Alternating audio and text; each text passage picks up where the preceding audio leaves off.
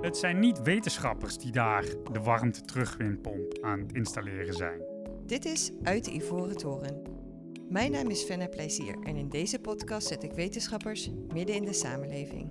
Het zijn niet politici of beleidsmakers die daar eh, isolatie aan het installeren zijn. Dat zijn allemaal vakmensen. Die moeten op de grond zorgen dat die transitie gebeurt. En we besteden eigenlijk nauwelijks aandacht aan deze mensen die het werk verrichten. En die zorgen dat zo'n energietransitie ook werkelijk waar hè, gaat gebeuren.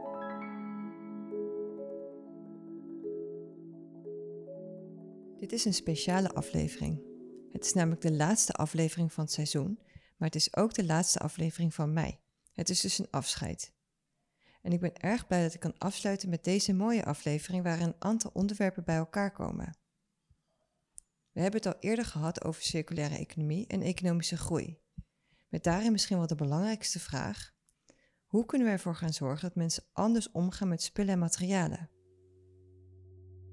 We vergeten vaak dat alles om ons heen gemaakt wordt en uit materialen bestaat. Of het nu onze spullen zijn, de wegen waarover we rijden of de gebouwen waarin we wonen. Het komt allemaal ergens vandaan en het wordt allemaal door mensen gemaakt. Dus als we het hebben over een duurzame toekomst, dan is de vraag: wie maakt onze toekomst duurzaam en hoe maken we het duurzaam? Vakmanschap vormt al de basis van de economie. Zeker als we het wat breder definiëren. Dus uh, neem nu uh, de econoom in uh, Cambridge, Chang heet hij volgens mij. Zijn, zijn boek 23, 23 Things They Do Not Tell You About Capitalism. Nummer 9 daarin is We Do Not Live in a Post-Industrial Age. Dat is een fabeltje. Uh, dat is volgens mij onder andere om. Uh, je ziet dat de macht naar China aan het verschuiven is. Dingen van maken van dingen is gewoon cruciaal. Wij zijn fundamenteel afhankelijk van materialen. Dat is een vraagstuk over wat de kenniseconomie nu eigenlijk is. En het feit dat wij in het Westen ons heel erg, uh, heel erg zijn inzetten op services, of een creatieve industrie wil niet zeggen dat de economie uh, nu inderdaad losstaat van industrie of van materialen of van mensen die dingen maken. We gaan terug in de tijd om daar iets van de toekomst te kunnen zien. We laten de schijnwerper vallen op de ambacht, of beter gezegd, het vakmanschap. Ik ben uh, Michael Kuipers, archeoloog inderdaad. Ik werk aan de faculteit uh, archeologie, uh, Universiteit Leiden. En uh, daar is een van mijn taken eigenlijk de randen van de archeologie opzoeken. Dat, dat doe ik graag. Ik begeef op het snijvlak van verschillende disciplines, of waar politiek en archeologie elkaar raken. En daar neem ik studenten ook mee heen. Dat is lastig, maar dat zijn ook de plekken waar het spannend is. Michael werkt bij een van de Leiden Delft Erasmus samenwerkingsinstituten. Ja, dat is het LDE, dat is het Global Heritage and uh, Development. En dat is ook een plek waar samenwerking centraal staat, waar je uit je comfortzone komt, van je eigen vakgebied uh, en met uh, andere disciplines samenwerkt. Dus, de technici uit Delft, de economen in Rotterdam. En een plek waar de koppeling wordt gemaakt ook met de buitenwereld. Dus voor mij is het centrum een plek waar mijn werk, mijn wetenschappelijk werk, naar buiten gaat maar ook waar de samenleving hun vragen kan stellen aan de wetenschappers. Wat kan een archeoloog ons dan vertellen over de toekomst? Ik denk dat in de kern gaat de archeologie over twee cruciale vragen. Waar komen we vandaan? En in het verlengde daarvan, waar gaan we naartoe?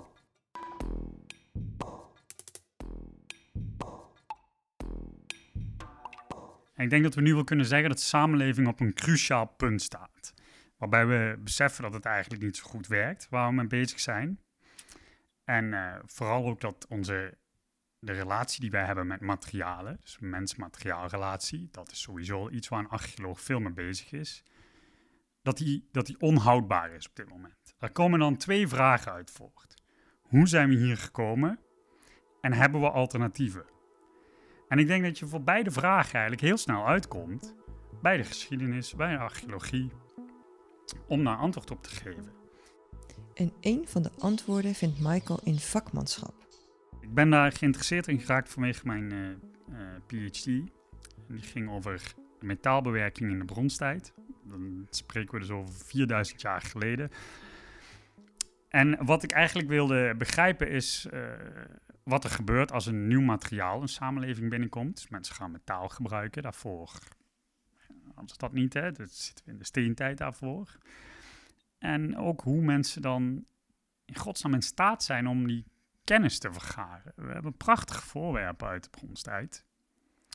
Mensen hadden duidelijk een soort van een begrip van het feit dat je en koper hebt en tin. En dat je die samen moet stoppen en dat je dan brons krijgt. En dat deden ze ook nog heel consequent op ongeveer 10% uh, tin.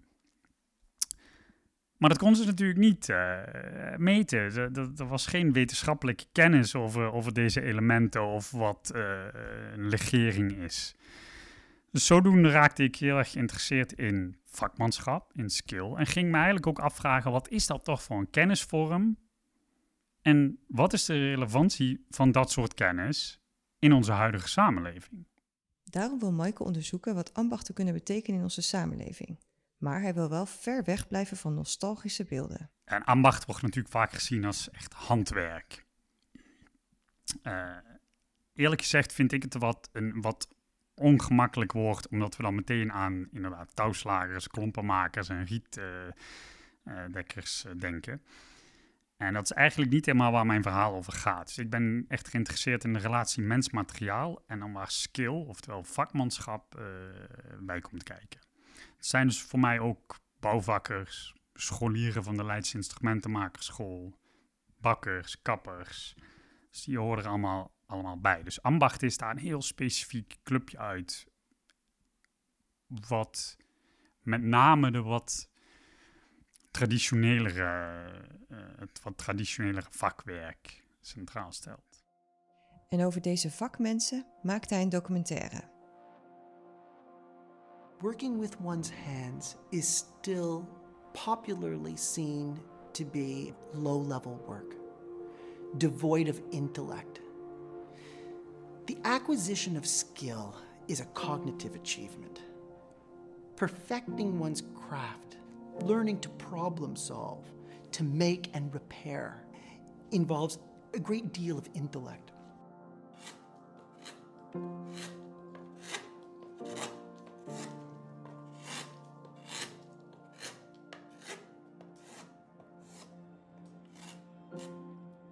Craft is about an attitude towards one's materials, towards the use of one's tools, and to the journey of learning. Ja, die documentaire heet The Future is Handmade. Uh, dat is nogal een statement. Dat was ook de bedoeling. Omdat ik daarmee precies deze discussie uh, aan wil zwengelen. Wat verstaan wij nou onder kennis? Wat is de rol van, uh, van skill in onze samenleving? En waarderen we dat? Is er een eerlijke waardering van dat soort kennis? En dat vind ik een, hele relevante vraag, omdat we ik maak me zorgen over een tweedeling die we eigenlijk zien in de samenleving op basis van opleidingsniveau. Dat is de discussie tussen nou, hoog en laag opgeleid. daar kun je, sommige mensen zeggen, we moeten die termen niet gebruiken. We moeten praktisch en theoretisch opgeleid noemen bijvoorbeeld. Ik denk niet dat dat het oplost. Dat is gewoon schuiven met woorden en de onderverdeling blijft bestaan volgens mij is de vraag die we moeten stellen: wat bedoelen we eigenlijk als we zeggen dat Nederland, uh, Nederland een kenniseconomie is? Wat is kennis? Is skill, is het maken van spullen, is dat een vorm van kennis?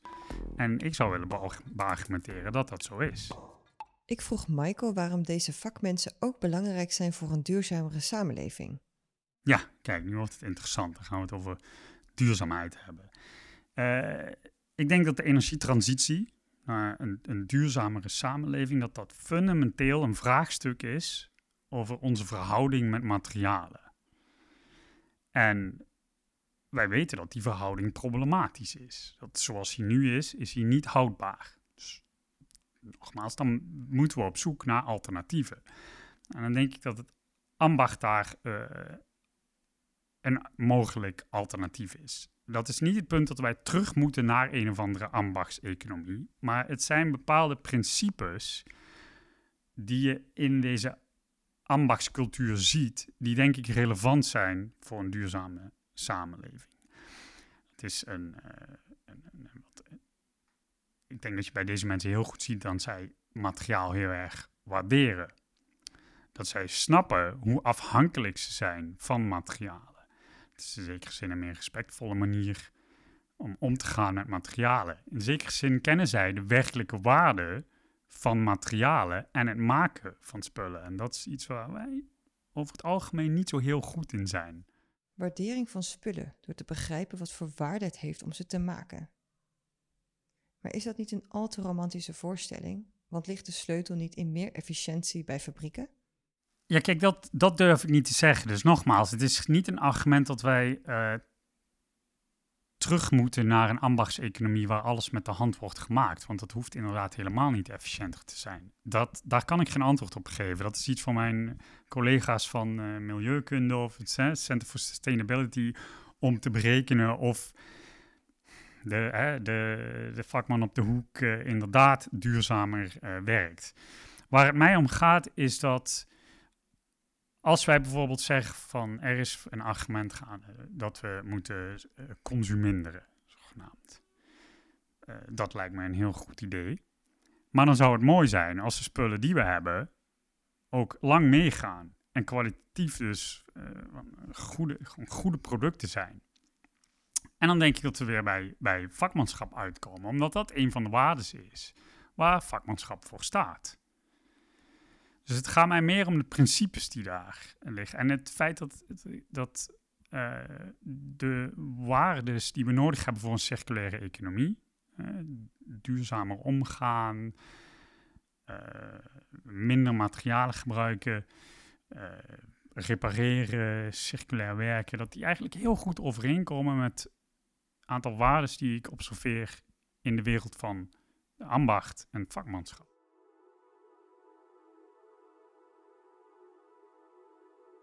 Maar er gebeurt daar ook nog uh, veel meer.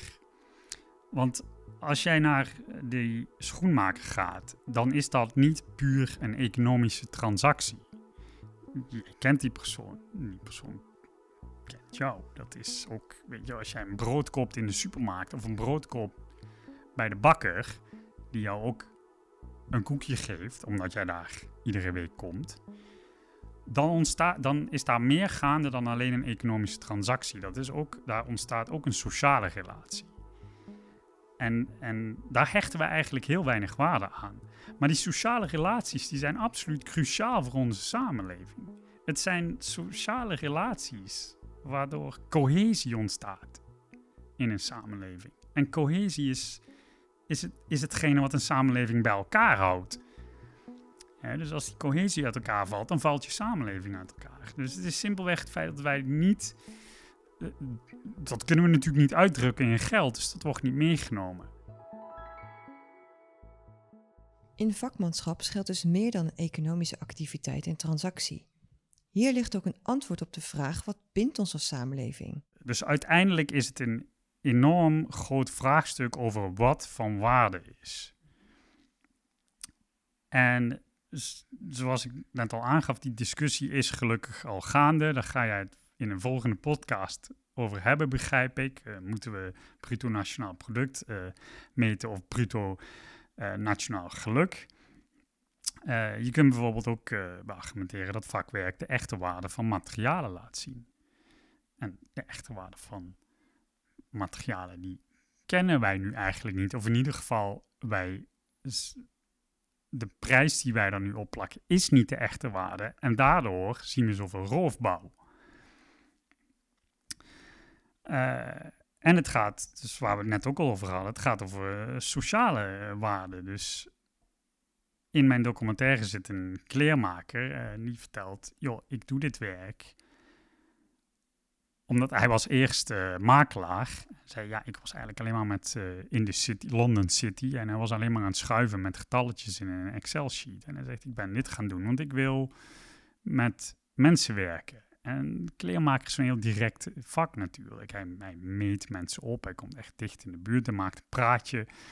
Hij weet voor wie hij zijn spullen maakt. En degene die het consumeert, weet ook wie het gemaakt heeft. Dus daar spelen andere waardes een rol. Sociale waardes spelen daar een rol. We beginnen om ons heen al toenemende aandacht te zien voor ambachtelijke producten.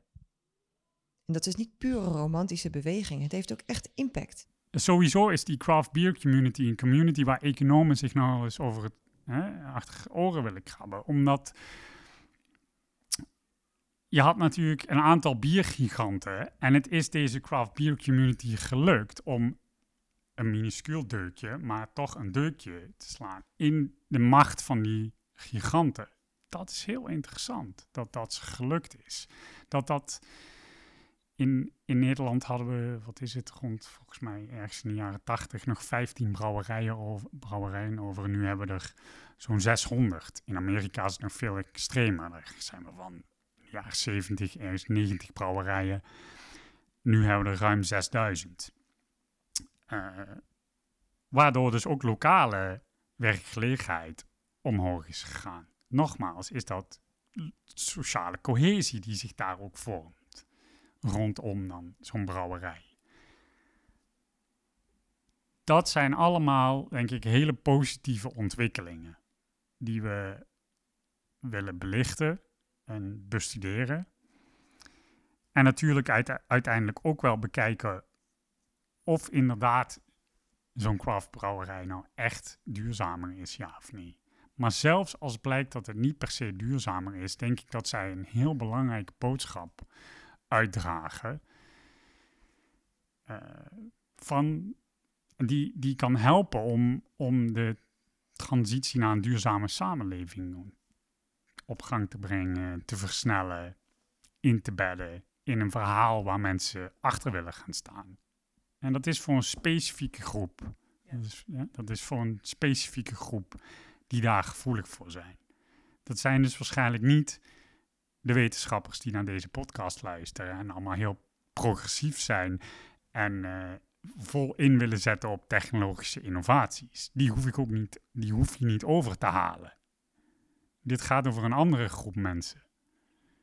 Dus het is gewoon een van de vele oplossingen die wij nodig hebben om zo snel mogelijk een duurzame samenleving te creëren. En er is nog meer, zegt Michael. We moeten namelijk niet vergeten dat de hele energietransitie totaal afhankelijk is van vakmensen.